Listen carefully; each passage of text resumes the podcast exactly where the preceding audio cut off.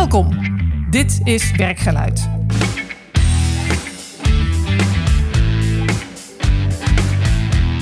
Mijn naam is Marjolein Veringa en ik ga iedere podcast in gesprek met leiders over belangrijke momenten in hun werk. Om er zelf van te leren en ik hoop jij ook.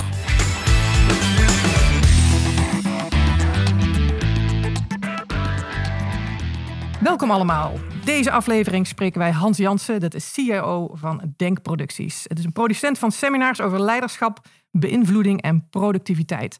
Dat doet hij nu al bijna 20 jaar en een mooi moment om met Hans eens in gesprek te gaan. Wat eigenlijk de belangrijke momenten in zijn werk zijn geweest en hoe dat is gegaan bij Denkproducties. Welkom Hans, leuk dat je er bent. Ja, dankjewel. Leuk dat ik er mag zijn. Ja, nou hartstikke leuk. En ik vond het ook met name leuk om te horen. Ik ben natuurlijk ook een keer bij jou eh, spreker geweest, dus zo kennen we elkaar Ja. een beetje. En ehm, eh, nou, terwijl ik dat aan het doen ben, dacht ik ook van, joh, wat, wat, een, wat een mooi bedrijf. En dus om te kijken, hoe, hoe gaat dat dan eigenlijk? Ik denk dat heel veel luisteraars dat ook mooi vinden om te horen. Want je bent natuurlijk begonnen bij het eh, Nederlands Studiecentrum. Eigenlijk Ja. ook altijd met eh, seminars bezig geweest. Al- ja, ja, al ik- dat was mijn, ja, dat was mijn tweede baan. Ik, had, ik, ik, ben ooit, eh, eh, ik heb ooit bedrijfskunde gedaan. En toen heb ik twee maanden gewerkt als activity-based costing implementatie consultant bij thuiszorginstellingen. Zo, dat is een hele mond vol. Ja, niet Ja. mijn ding. was niet zo mijn dingetje. Moesten met z'n tijd gaan schrijven in HR-afdelingen bijvoorbeeld. Om te kijken hoe de activiteiten die je doet, wat die eigenlijk allemaal kosten. Nou, daar had natuurlijk niemand zin in. En dan moest ik dan als broekie van 25 zeggen dat dat een goed idee was. Dus dat leek me, dat, dat was twee maanden leuk. En toen dacht ik, wegwezen. En ik ben toen eh, bij eh Nederlands Studiecentrum begonnen om congressen te organiseren in de open markt. En, eh, nou, Waarom nou, leek je dat leuk eigenlijk? Waar, wat in jou dacht van, nou, congressen, seminars, dat is het helemaal. Ja, ik had bij de studievereniging deed ik al de loopbaandagen. Mhm. Dus dat waren dan de dagen waarop bedrijven hun, hun trainingen en hun, of, hè, hun, hun traineeships bij, bij, bij studenten bedrijfskunde kwamen pitchen. En ik vind het organiseren gaaf. Weet je? je werkt naar iets toe. Ik heb een vrij korte spanningsboog, dat is fijn. Dus je werkt eh, in een paar maanden naar iets toe. En dat is dan, en daar ben je dan bij. En dan komt alles bij elkaar. En dan kun je ook echt je product ervaren. Het lijkt mij lastig als je bijvoorbeeld ergens als beleidsmedewerker bent en je, je levert na een half jaar werken, eh noestwerk, een rapport af dat ergens dan vervolgens of wordt besproken of niet. Ik vind het gaaf om bij, de, bij, de uiteindelijke, bij het product aanwezig te zijn. Ja, om het echt af te zien. Ja, en eh, dus ik dacht, nou, dat vind ik leuk. En als bedrijfskundige ben je natuurlijk best wel breed opgeleid. Je bent eigenlijk opgeleid tot eh, algemeen directeur, maar daar begin je vaak niet mee. Eh, maar hierbij had ik de portfolio algemeen management. Dus ik kon een bijeenkomst organiseren over leiderschap, over performance management, over ISO-normen, over fusies en overnames bij. en dan de HR-kant daarvan, dus de arbeidsvoorwaardelijke kant. Dus voor algemeen geïnteresseerd iemand was het een hele leuke, Ja. eh, leuke eerste job. En toen dacht je, ja, maar dat kan ik zelf ook. Ja, nou ja, ik, het het ging eigenlijk best wel goed. Ik deed eh, eh, flink wat evenementen per jaar. Alleen ik vond ze zelf een beetje saai. Dus ehm, voor mij was de grote, het grote omslagpunt een event dat we deden over flow. Met de Mhm. Hongaarse professor die volgens mij vorig jaar is overleden. Csikszentmihalyi. Ik kan zijn naam uitspreken.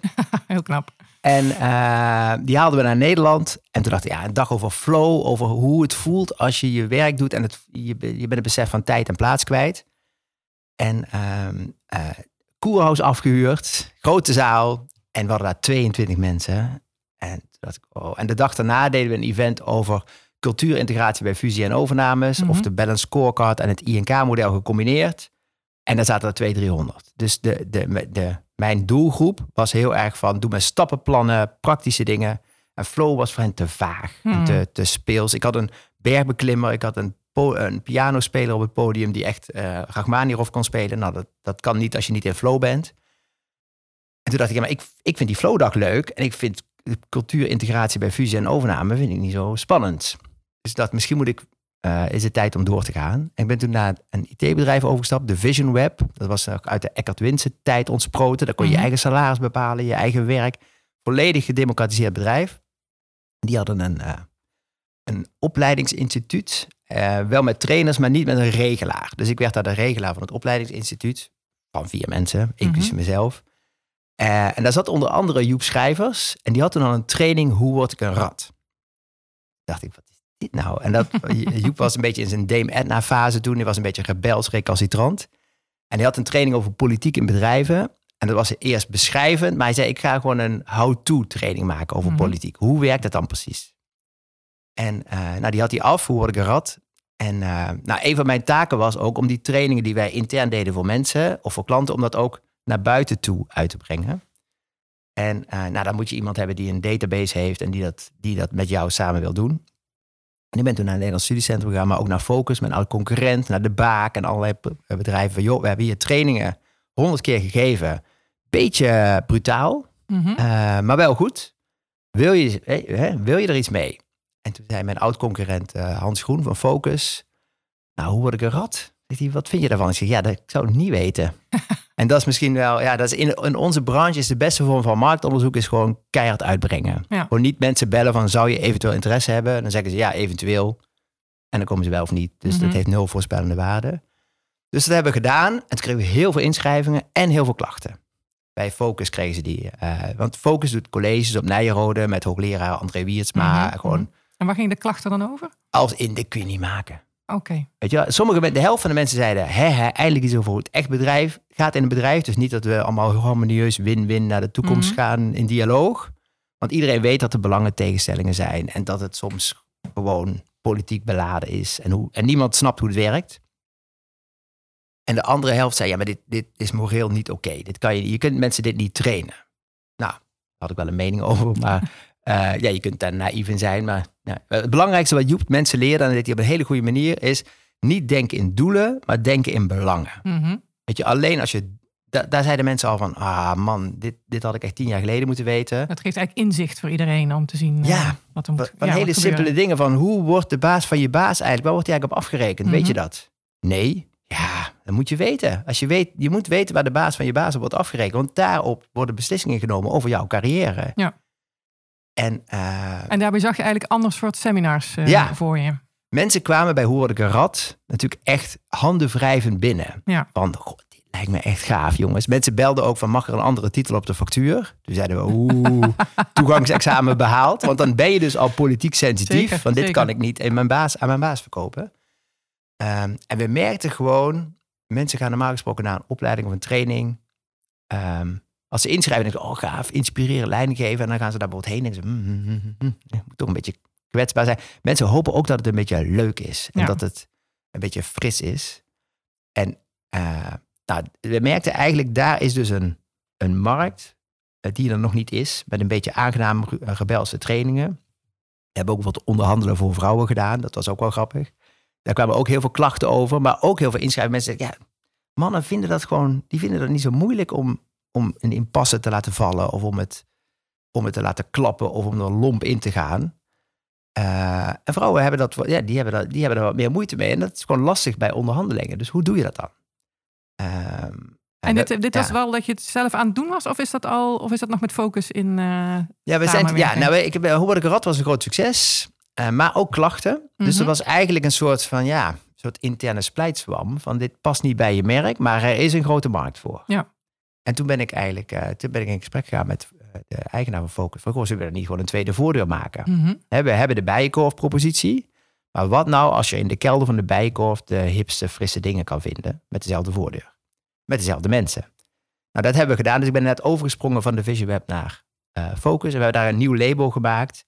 En eigenlijk was ik daar het enige personeelslid. Mhm. En ik kon programma's maken met de back-office van Focus erbij. En we deelden gewoon de pot. We hadden een A4, één A4'tje bedrijfsovereenkomst. Hans doet zijn best. Andere Hans levert personeel en eh, faciliteiten. En aan het eind van ja, deden ze de pot door twee. Ja, dat was het. Ja, Dat klinkt als een simpele afspraak. ja, ja. Ja. En, eh, en dat hebben we heel lang eh, zo kunnen houden. Mhm. Dus dus voor, voor, de- voor, de- voor mijn collega Hans was het een tweede label. mm, Dat totaal niet concurreerde. Of ja, en als dat concurreerde. Nou, dan was het een, vonden mensen een fijne afwisseling met zijn huidige portfolio. En ik had de vrijheid om programma's te maken en te ontwikkelen. eh, Zonder de last van personeel en pensioen en functioneringsgesprekken. Ja. Dus dat werkte best wel prima. Goed geregeld. Ja, ja, ja. Dus dat, dat, dat is ja, dus eigenlijk de eigenlijk- geboorte van denkproductie. Ja, eigenlijk wel echt wel een belangrijk...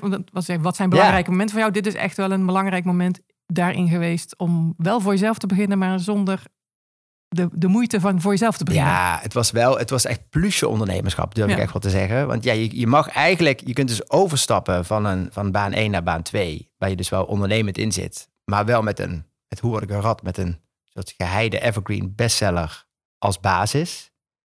ja, dat zijn weinig, zijn weinig ondernemers die kunnen beginnen met een pareltje in de, in de portfolio. Uh, dus dat was natuurlijk wel, uh, dat is lekker ondernemen. Ik heb volgens mij wel iets van een leningje gedaan voor wat huissteldingen en website en zo, maar die had ik na een jaar al afbetaald. Mm. Dus, dus ik, kan, ik kan niet zeggen dat ik echt als uh, op dat moment in ieder geval niet als ondernemer echt uh, tweede hypotheek en uh, opa en oma moest vragen voor het extra geld. Dat ging redelijk soepeltjes. maar het had wel, wat we natuurlijk wel dachten, misschien is het wel eendagsvlieg. Kijk, hoe word ik gerad? Ja, het is, mensen vonden het hartstikke leuk, maar misschien dachten mensen, ja, nu gaan we weer gewoon door naar... Naar de gewone training. Naar de gewone training, hè. En toen dus, sprak jij Ben Tichelaar en toen kwam... Ja, toen sprak Ben Tichelaar en uh, Ben is natuurlijk een supergoeie uh, docent. Mm -hmm. uh, en, en, en ik had al een keer eerder iets met hem gedaan rond zijn boek Doen. En, en ja, je weet gewoon als Ben voor de groep staat, dan is het prima. En toen zei hij, nou ik wil eigenlijk wel graag, ik heb een cd-box gemaakt, de Management Classics, met de mm -hmm. ideeën van Porter en Kotler en Covey. En ik wil eigenlijk daar een soort lanceer-event van doen. En eigenlijk, ja, wil jij dat doen? in principe hoeven we er niet veel aan te verdienen. ik wil wat mensen kunnen uitnodigen, we moeten wat kaartjes verkopen, zodat we uh, Kiet Plus draaien. Zei ja, het gaat heten de Management Classics Event. Dus ja, oké. ik had nog niet zoveel kippenvel. Klinkt anders dan uh, die rat. Uh, ja, ja, ja, dus we zaten even te brainen. We dachten, ja, wat is het doel eigenlijk? We moeten ook, mensen moeten er ook over gaan hebben. Mm -hmm. De mensen moeten ook denken, hey, dit is gaaf. en toen dachten we, nou, en we raak, ik heb de mail nog steeds, dat we aan het op neer pingen waren met titels. Want ik heb echt wel een fetish voor titels. En toen zei Ben ergens van, ja, het wordt een soort MBA in één dag. Oh, dat zou toch wat zijn? Nee, dat kan niet. Ja, kom, dat doen we gewoon. Nee, dat, dan krijgen we de hele academische wereld over ons heen. Ja, we doen het toch maar één keer, toch? Ja, dat is ook wel weer waar.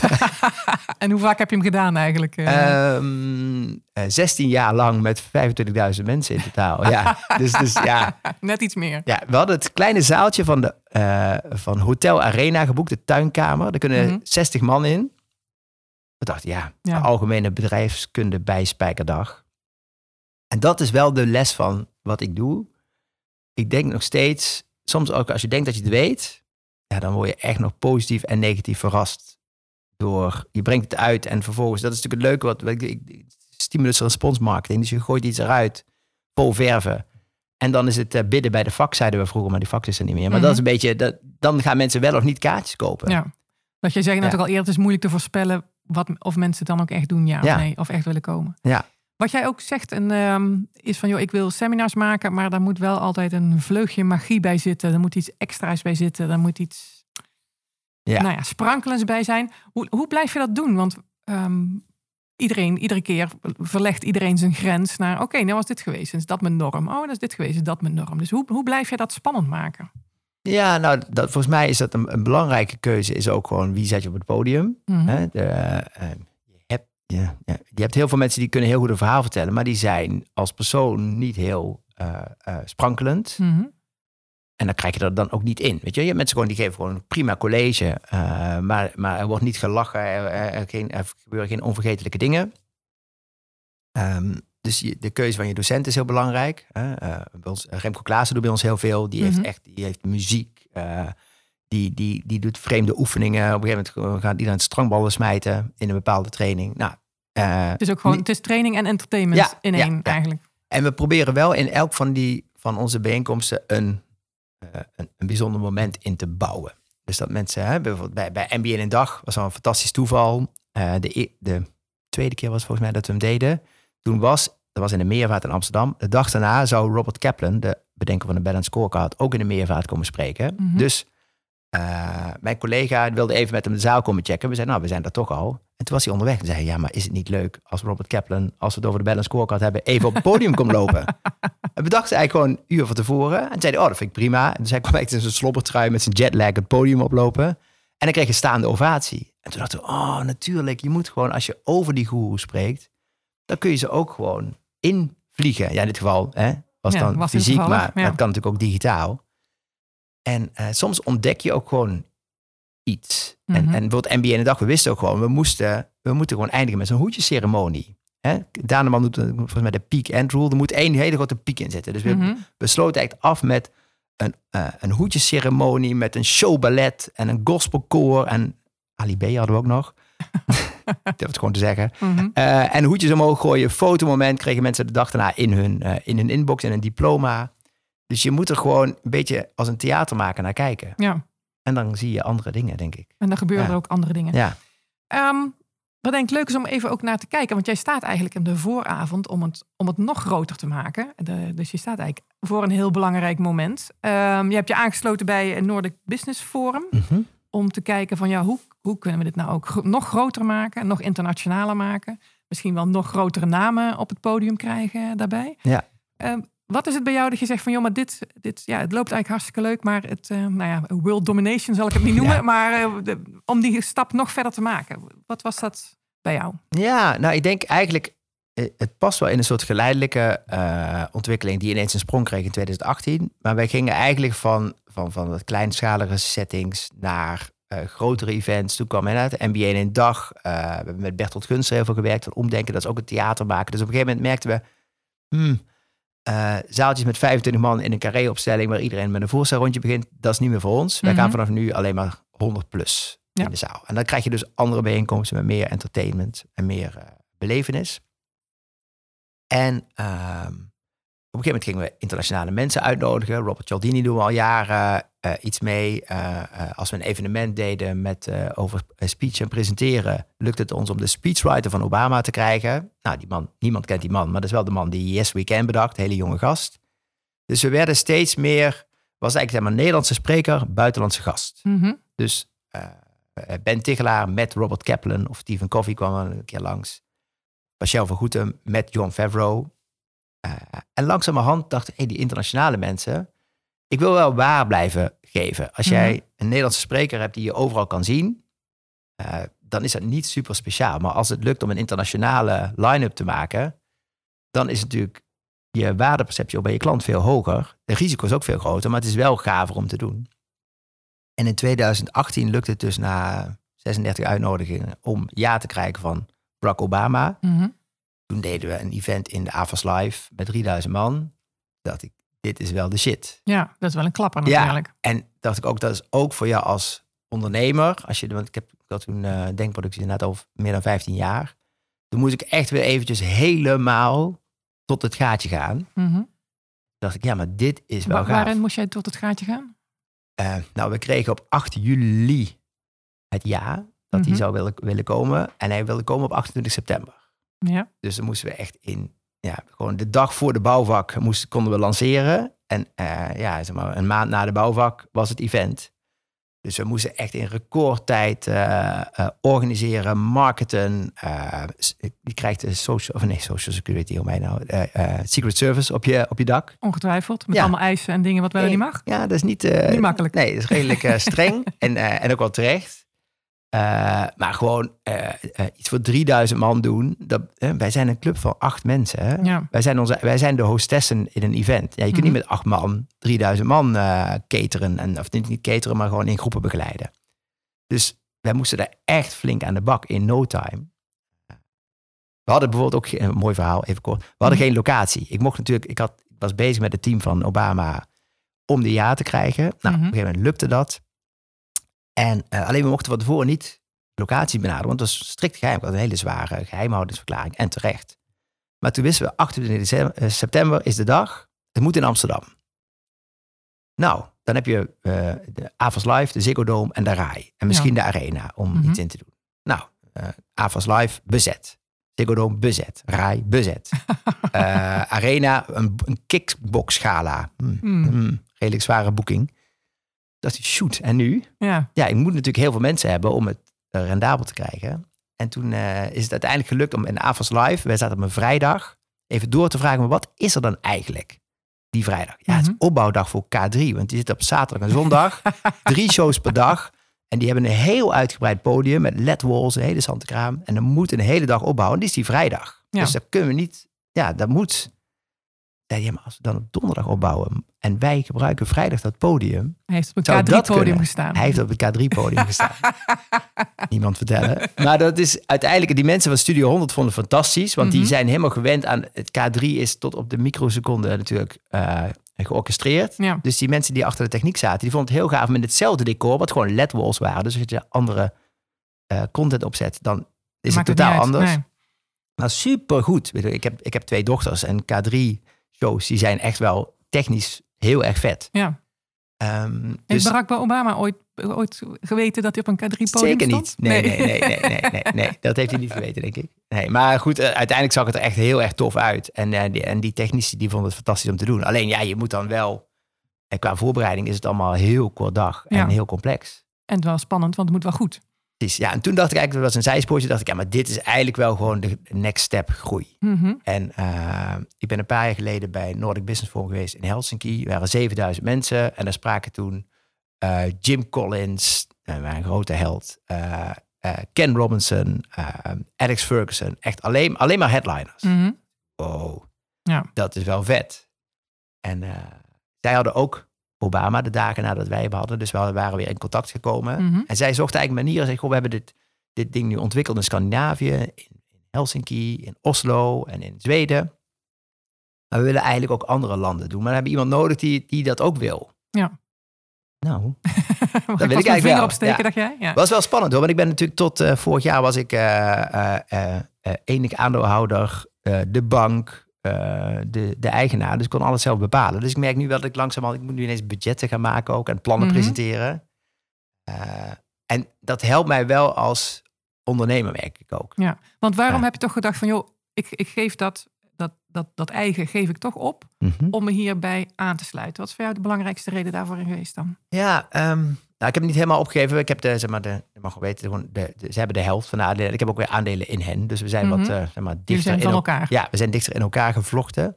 Ik geloof heilig in, in dit eh, concept. Hè, dat, je, dat het echt lukt om met een soort headline, hè, dus het Mhm. lowlands met alleen maar het hoofdpodium. Mhm. Ehm, als dat lukt, en zij, wat zij heel goed doen, is dat ze elk jaar, als het event is, hebben ze het programma voor het jaar daarna al klaar. Dus dan gaat iemand op het podium zeggen, jongens, het is gaaf hè. Weet je, volgend jaar komt die en die en die, vuurwerk. En dan kunnen mensen kaartjes kopen en dan doen heel veel mensen dat. Ik denk, daarmee kun je ook een soort merk bouwen. Vrienden van Amstel Live is elk jaar de dag na Vrienden van Amstel Live voor een jaar daarvoor weer uitverkocht. Mhm. Dat is natuurlijk ook Dan gaan mensen met het goede gevoel alweer het kaartje voor Ja. keer. Ja. En als je dan elke keer gewoon een totaal nieuw programma hebt volgens een bepaalde formule, maar dus het framework is hetzelfde, alleen de vulling is elk jaar anders. Eh, nu moesten we eigenlijk natuurlijk steeds mensen van Ben Tigelaar naar Robert Cialdini krijgen, of van Robert Cialdini naar Pascal van Goetem, naar Remco Klaassen. Dus we moesten steeds eigenlijk opnieuw het idee van het seminar en het thema eh, aan mensen verkopen. Mhm. En dit, de bedoeling van dit ding is dat het een, een jaarlijks terugkerend evenement is. Lowlands is elk jaar, heeft een volledig nieuwe line-up. Maar er zit een gevoel in Lowlands. Mhm. En dat moet ook met het Amsterdam Business Forum gebeuren. En dat vind ik wel vet om te ontwikkelen. En ik, ik heb wel een punt gestaan, want dit is wel een hele goede vraag. Ga ik nou gewoon jatten? Mhm. Hè? Want die- ook, ja. zij hebben dus een jaar van tevoren de sprekers al bekend. Die kan ik dan de dag daarna gaan bellen. ja, dat kan denk ik één of twee jaar kan dat. Maar uiteindelijk dacht ik, nee, ik, ik kan daar zoveel van leren hoe zij dat doen. Mhm. En ik vind het ook wel gaaf. Ik ben altijd alleen ondernemer geweest. Tenzij te- tot bij, hè, bij Focus waren we met z'n tweeën.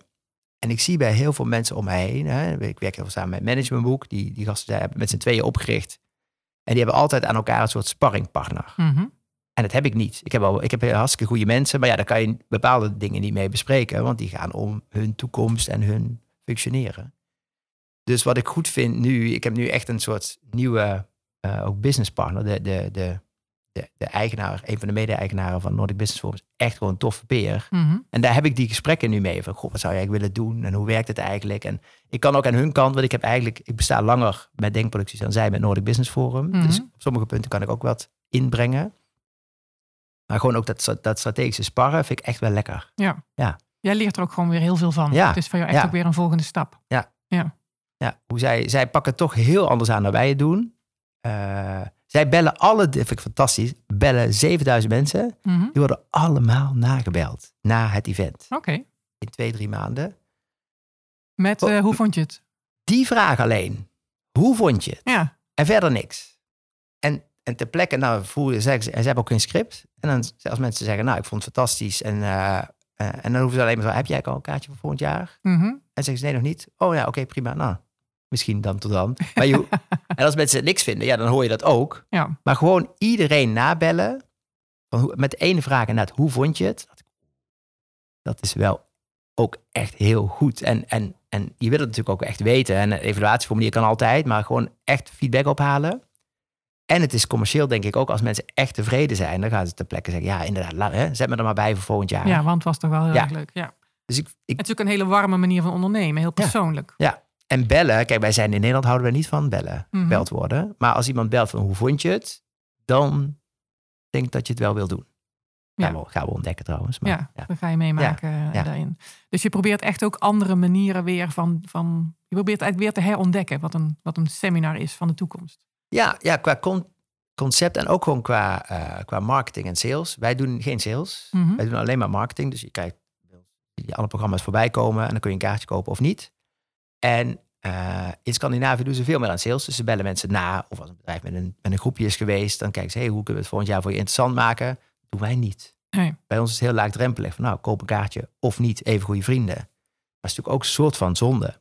Wat kunnen zij van jou leren? Want jij zei net van, ja, ik heb ook wel iets in te brengen. Dat, volgens mij is dat heel bescheiden.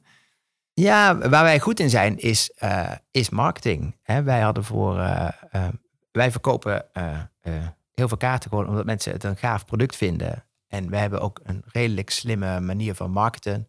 Wij gebruiken hetzelfde CRM-systeem als bol.com Mhm. en D-reizen. Dus wat wij heel goed kunnen is, wij, wij, wij kunnen goed doorpakken op wat mensen interessant vinden. Dus wij zien als, als wij een e-mail uitsturen, kunnen wij zien van iedereen die daarop klikt, die krijgt vervolgens een andere mail dan iemand die bijvoorbeeld niet opent of die, die, die, die drie eh, eh, stappen doorklikt.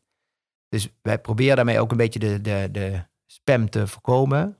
Maar je kunt bij ons heel gem- vrij gemakkelijk een soort, soort boompje opzetten van als iemand eh, drie keer een, een nieuwsbrief heeft geopend, krijgt hij een bepaalde podcast daarover, krijgt hij weer dat. Dus wij kunnen vrij goed mensen langzamerhand richting een besluit stimuleren. Mhm. Zoals dat zo mooi heet. ja. Ja. En eh, dat doen ze daar helemaal niet. Nee. Daar, daar wordt er gewoon heel veel gebeld en verkocht. En eh, nou, ik, ik ben eh, ontwikkeld in de, in de marketing en zij in de sales. Dus ik leer heel veel sales van hen en zij leren ook bij marketing van ons. Ja, nou ja, Ja. een mooie combinatie Ja, zeker. zou ik zeggen. ja. Wat is nog voor jou in de toekomst de, de ultieme gast of gasten? Waar je zegt van ja, maar als ik die nou nog, nog eens op dat podium krijg. Ja, dat is wel een goeie. Ja, kijk, er zijn gewoon mensen die je niet kunt krijgen. Eh, en mensen die zeggen, oh, maar je kunt toch wel Elon Musk of Jeff Bezos krijgen. Ik denk, nee, dat, ja, dat kan wel, maar dan moet je, nou, nee, ik weet niet of het kan. Maar dan ben je tot de dag van tevoren. Het zijn natuurlijk zulke flegmatieke mensen. Hè? Mhm. Die kunnen ook zomaar bedenken, ik heb een slechte dag, ik ga gewoon naar huis. Eh, en ik weet dat bijvoorbeeld Richard Branson, toen hij echt nog heel actief was bij Virgin, dat hij ook in zijn contract had staan. Als er een business deal voorbij komt die die dag het, Mhm. mijn aanwezigheid vergt, dan kom ik niet. Staat er gewoon in. Zet je Ja. even goed je handtekening. Eh, En er dus- staan 3000 mensen voor een leeg podium. ja, en dan zegt hij, ja, het staat in het contract. Ehm, wat vanuit zijn perspectief heel begrijpelijk is, maar Ja. als organisator is dat niet echt rustgevend. Nee, zeker niet. Ehm, dus ja, een van die eh, echte ondernemers, ik zou nu Jack Ma wel willen hebben, maar ja, dat krijg ik natuurlijk gaat nooit meer lukken. Eh, maar echt mensen met een, echt een bijzonder ondernemersverhaal. We hadden natuurlijk nu al de, zeg maar, de leider van, eh, eh, van dit deel van de eeuw, denk ik, met Obama. Maar nu de ondernemer van dit deel van de eeuw, dat lijkt me wel vet. Mm. Dat, Ja. eh, die, daar ben je al druk mee bezig om dat Ja, we, pro- we proberen dit, dit soort dingen wel. Alleen ja, die mensen hebben zo'n... Je kunt niet zeggen, wat doe je in september 2023? Mhm. Dan is je echt geen idee. Nee. Dus, en daar gaat ze ook niet op vastleggen. Dus soms kan het betekenen zeggen, ja, dat kunnen we een week van tevoren zeggen. Ja, Ja, dat een beetje lastig plannen. met, eh met markten. Maar goed, daar, daar blijven we gewoon achteraan rammelen. Ja. Wie weet dat het gaat lukken. En ga je ook hiermee ehm, ga je nog eh, de wereld in? Of zeg je van nee, ik doe juist in Nederland die hele grote events? Of is het, het nu je dit samen hebt gedaan van joh, we gaan Europa doen of we gaan... Nou, dat is een goede vraag. eh, want wij... ehm, nu Amsterdam Business Forum dat gaat in Amsterdam plaatsvinden. Ik ga wel samenwerken met iemand in België. Mhm. Kijken of, we, hè, of we Belgen eh, kunnen verleiden om eh, dagje Amsterdam van te maken. Eh, misschien Duitsland, misschien daarna Engeland. Het voordeel van Amsterdam is natuurlijk dat het heel makkelijk aan te reizen is. Zeker als het dicht bij, eh, bij Schiphol is of bij eh, treinverbindingen. Ik heb eerlijk gezegd niet de ambitie om nu iets te gaan starten in Italië of Spanje. Nee. We hebben ooit een keer hadden we een aanvraag gekregen om MBA een dag in Moskou te doen. Dus mijn, degene die bij mij, die, de, die binnenkwam, zei, oh, dat is een buitenkans. Ik, oh, echt niet doen. Ik ga niet naar Moskou. En dan, Waarom niet? ja, ik, denk, ik stel me dat al zo voor dat we allemaal dingen geregeld hebben. Misschien bij, is het een enorme karikatuur, maar ik heb het idee, dat komen daar aan en is er niks geregeld. En dan moet je drie mensen nog zwart betalen. En dan is al. ik, ik, ik wil gewoon wel een beetje. Jij wil ook wel gewoon in controle, als Ja. ik zo hoor. Ja, maar dat is natuurlijk echt wel. Er komen heel veel dingen bij elkaar. En als je heel snel moet wennen aan de cultuur van zaken doen van een ander land en het is niet jouw ding, dan is de kans dat er iets misgaat, ja, die is best wel groot. En, dan, Ja. en dat ziet iedereen. Hè, we hebben bij een digitaal event afgelopen jaren wel een keer gehad, dat ineens de verbinding eruit klapt. Nou, want mensen dan naar je mailen, dat is niet fijn. Nee. En, en als je dan in een fysieke bijeenkomst is, ja, dan zit iedereen in de zaal. En dan, dan, dan staat er geen techniek of is er geen eten. Ik noem maar wat, omdat Mhm. er iemand, eh, omdat het niet goed is geregeld. Ja, ik, ja. ik heb lijkt zo, het, het kan natuurlijk best wel, maar ik heb besloten, eh, als ik al in Nederland en misschien België en de omringende landen een goede positie kan krijgen, best wel prima voor nu. Dat is best Ja. wel een mooie, Ja. mooie stap. Nou, dat denk ik ook. Dat denk ik ook. Ehm, waar ben je eigenlijk het meest trots op als je nou nog zo eens terugkijkt? In, eh, we hebben het over belangrijke momenten. Dus wat is nou echt zo'n moment waar je zegt van ja, maar dit was wel echt heel tof. Ja, dat is dan toch, ja, niks komt dan echt toch mee over Obama heen, denk ik. Eh, Maar is dat omdat het de naam is of, of, omdat het zo'n enorm bijzondere eh, seminar was? Nou ja, ook A, het, het- het proberen binnen te halen. Want ja, ik, ik weet natuurlijk heel veel mensen die, die dachten... hé, die man die gaat dadelijk, die is natuurlijk klaar eh, als president. En dan gaat hij ongetwijfeld een boek schrijven en praatjes eh, doen. Mhm. Eigenlijk, eigenlijk wel bij zijn. En op een gegeven moment dan ben je zo vaak daarmee bezig. En eh, ik had die, die, die agent moest helemaal gek worden. Hey, Hans from Holland here is het. Wat ik heb gedaan daar is, ik heb eigenlijk gezegd, ik heb geen datum. Dus de eerste keer dat hij naar Europa komt, laat me weten. eh, ik zet Amsterdam erbij in de kalender, maar ik heb niet een datum waarop het plaats moet vinden. En dat is voor een boeker natuurlijk een heel mooi voordeel, want dan kan hij altijd Amsterdam eraan prikken. Ja. Maar dat maakt in mijn leven natuurlijk iets minder makkelijk, want ik moest steeds meegaan. En er zijn echt al twee of drie rondes geweest. E- De eerste keer zeiden ze, ja, vrijdag 14 juli, la la la. Dat was de vrijdag van de Nijmeegse Vierdaagse. Ik woon in Nijmegen. Mhm. Eh, Oftewel de vrijdag voordat heel Nederland op vakantie gaat. Ja. Dan zou die misschien naar Nederland komen. Oh nee, dat kan ik echt niet doen. Dat is veel te gevaarlijk. Dan komt er niemand en dan, dan ben ik failliet. Dus ik denk dat... dat dus ik, zeg, ik, heb gemaild, nee, dat is denk ik niet zo'n goed idee. Ja. Dat ja, voor hetzelfde geld komt het, komt het daarna nooit meer terug. Dat ze zeggen, ja, je zei dat je altijd kon. En dan komen we met een concrete datum en dan kan je niet. Maar ik dacht, dit kan ik echt niet maken. Nee. Eh, en, en toen zeiden ze, ah ja, misschien is er in september nog iets, want dan is er ook een uitnodiging in Begrepen ze, Scandinavië. jou, begrepen ze jouw reden? Of was dat helemaal niet interessant voor hun? Nee, nee, er zit gewoon zo'n boeker die zegt, ja, maar je moet toch ook gewoon... Als je, als je toch zijn naam eh, aan, aankondigt, dan is het toch meteen uitverkocht. Ja. Dat ja, dat kan, Dat kan, maar dat hoeft ja. niet. Nee. En als het niet zo is, dan is het een eh, probleem. Maar ja, dat- ja, dan ga je eigenlijk zeggen dat je niet zo goed bent in het verkopen van tickets. Ja. Dus Is ook vervelend. Nee, dus ik moest daar even nee zeggen. Maar, maar ik weet nog dat een screenshot van dat hij op een gegeven moment zei... eh, he accepted your invitation. Het was midden in de nacht. Dus ik, kwam net terug van een evenement en ik kreeg dat mailtje. En ik maakte zoveel kabaal dat ze bij ons thuis dachten... mijn kinderen dachten, papa is dronken. maar gewoon dat je dan... en dat het dan op een gegeven moment lukt. En dat die man... die man komt dan binnenlopen. Eerst allemaal security eromheen. Allemaal Mhm. havix ogen en heel erg eh, eh, oplettend. En dan komt hij binnen, een soort oase van rust. Mhm. En zegt hij, oh, oh, it's very nice to be here. Oh, it looks really good. Ik denk, oh, die man heeft dus de hele tijd stress en spanning om zich heen. En toch zit er een soort aura omheen. Ja, van, van mij, eh, ja, mij kan niks gebeuren. Ik ben, ik ben gewoon chill. Ja, dacht ik, wow, dat is wel knap. Wel bijzonder om Ja, mee te maken. Zo, ja, eh. ja. En ook mensen die zeiden in de, in de in, die stuurde stuurde een mailtje terug. We zaten in de, in de, eh, eh, in de metro terug. En we waren allemaal stil. En dat we dachten, wij zijn hierbij geweest. Ik denk, als mensen dat laten weten, dat ze Mhm. dus allemaal met z'n allen in de metro zaten. En iedereen zat zo van, wow, dit was gaaf. En niemand zegt dat. En dat je dat kan doen, Mhm. gewoon uit je duim gezogen programma. Want het is natuurlijk gewoon een gedachte-idee. Natuurlijk top. Dat is jouw zeggen, ja. ultieme seminar eh, compliment wat je kan krijgen. Ja, ja, als mensen echt zeggen, eh, ik weet nu nog, hè, na drie jaar, precies wat daar gebeurde. En ik heb er echt dingen mee gedaan die echt eh, in mijn bedrijf een flinke impact hebben gehad.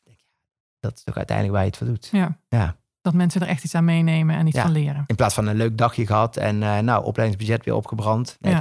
daar, zit, ik niet op te wachten. Niet jouw ding. Nee, niet jouw nee. ding. Nee. Nee. Hey, goed om te horen. Zou je als, ehm, als laatste vraag, heb je nog een, een tip voor mensen die eh, ondernemer zijn of ondernemer willen worden en een reis daarin beginnen waar je zegt van ja, maar dit, dit heb ik altijd meegenomen of altijd geleerd waar ik mensen nog mee zou kunnen helpen?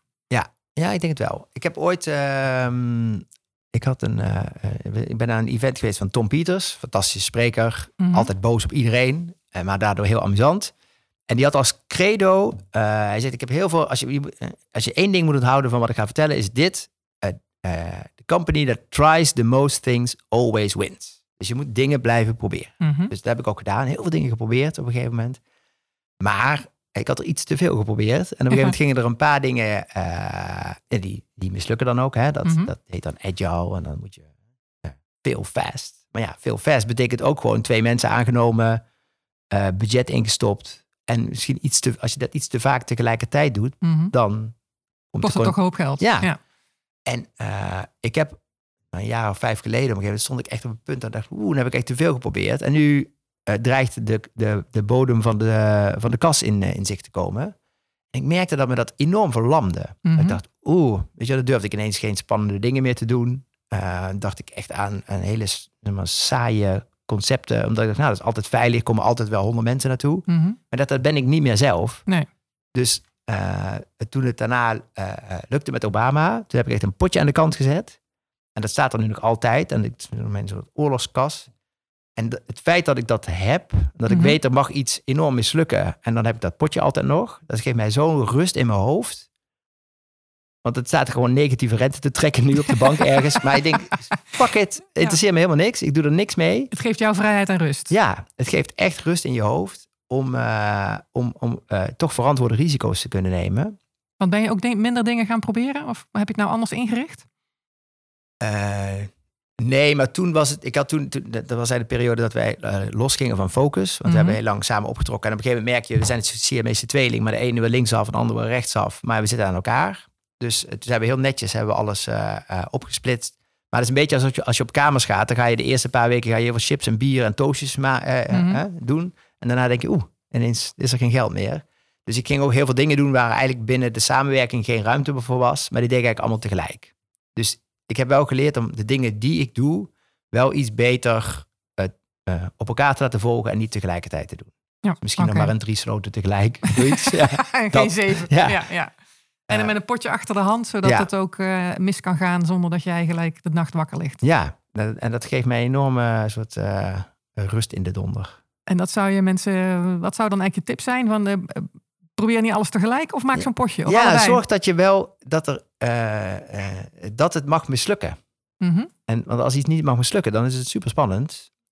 Dus als iets mag mislukken, vrij licht in risico, dat is, dan, dan kun je dingen blijven uitproberen. Ja. En misschien inderdaad niet alles tegelijk. Zeven sloten is misschien wel wat veel. Was veel. Ja. Ehm, maar vooral dat ik, ik, ik stond er eigenlijk wel van te kijken dat ik dacht, dat- waarom durf ik bijvoorbeeld deze stap ook aan? Ik denk, nou, dit mag, hè, Amsterdam Business mag mislukken. Dat Mm-mm. kan. Weet Ja. je, dan ben ik niet, eh, hoef ik niet mijn huis te verkopen. Eh, en dat voelt gewoon heerlijk. ja. Ja. En het geeft je ook, als ik jou zo hoor, ehm, eh, de mogelijkheid om meer scherp te blijven. Om, om het net mooier te maken dan safe spelen. Ja. Dat En ook om dingen te doen waarvan ik denk, nou, weet je, wij gaan nu voor Amsterdam Business Forum, komt Yuval Harari. Dat is fantastisch. Weet je, maar die man die doet maar een paar praatjes per jaar. Mhm. Eh World Economic Forum en hij komt naar ons. Eh, nou, die man is heel spaarzaam in zijn tijd en die, eh, zijn fee die gaat ook allemaal naar charity, maar daar, daar zijn flinke investeringen mee gemoeid. En ik denk nu, ik, ik kan het doen, omdat ik weet, als het mislukt, nou, dan heb ik altijd het potje nog. Mhm. Maar ik wil dit echt. Ik wil gewoon dat die man naar Nederland komt. Ik wil, ik, dus het geeft mij ook de mogelijkheid om de dingen die je intrinsiek strategisch echt wil, eh, te gaan doen. Omdat je weet ehm, ja, dat, er een, dat er een buffertje is. Ja, Ja. mooi. Mooi. Hans, hartstikke bedankt voor dit gesprek en de, en de mooie, inspirerende Ja, toekomstvisie. er gingen af en toe kwartjes in, hè? Ja, sorry. nee, heel erg leuk. yes. Dus bedankt. Ja, dankjewel.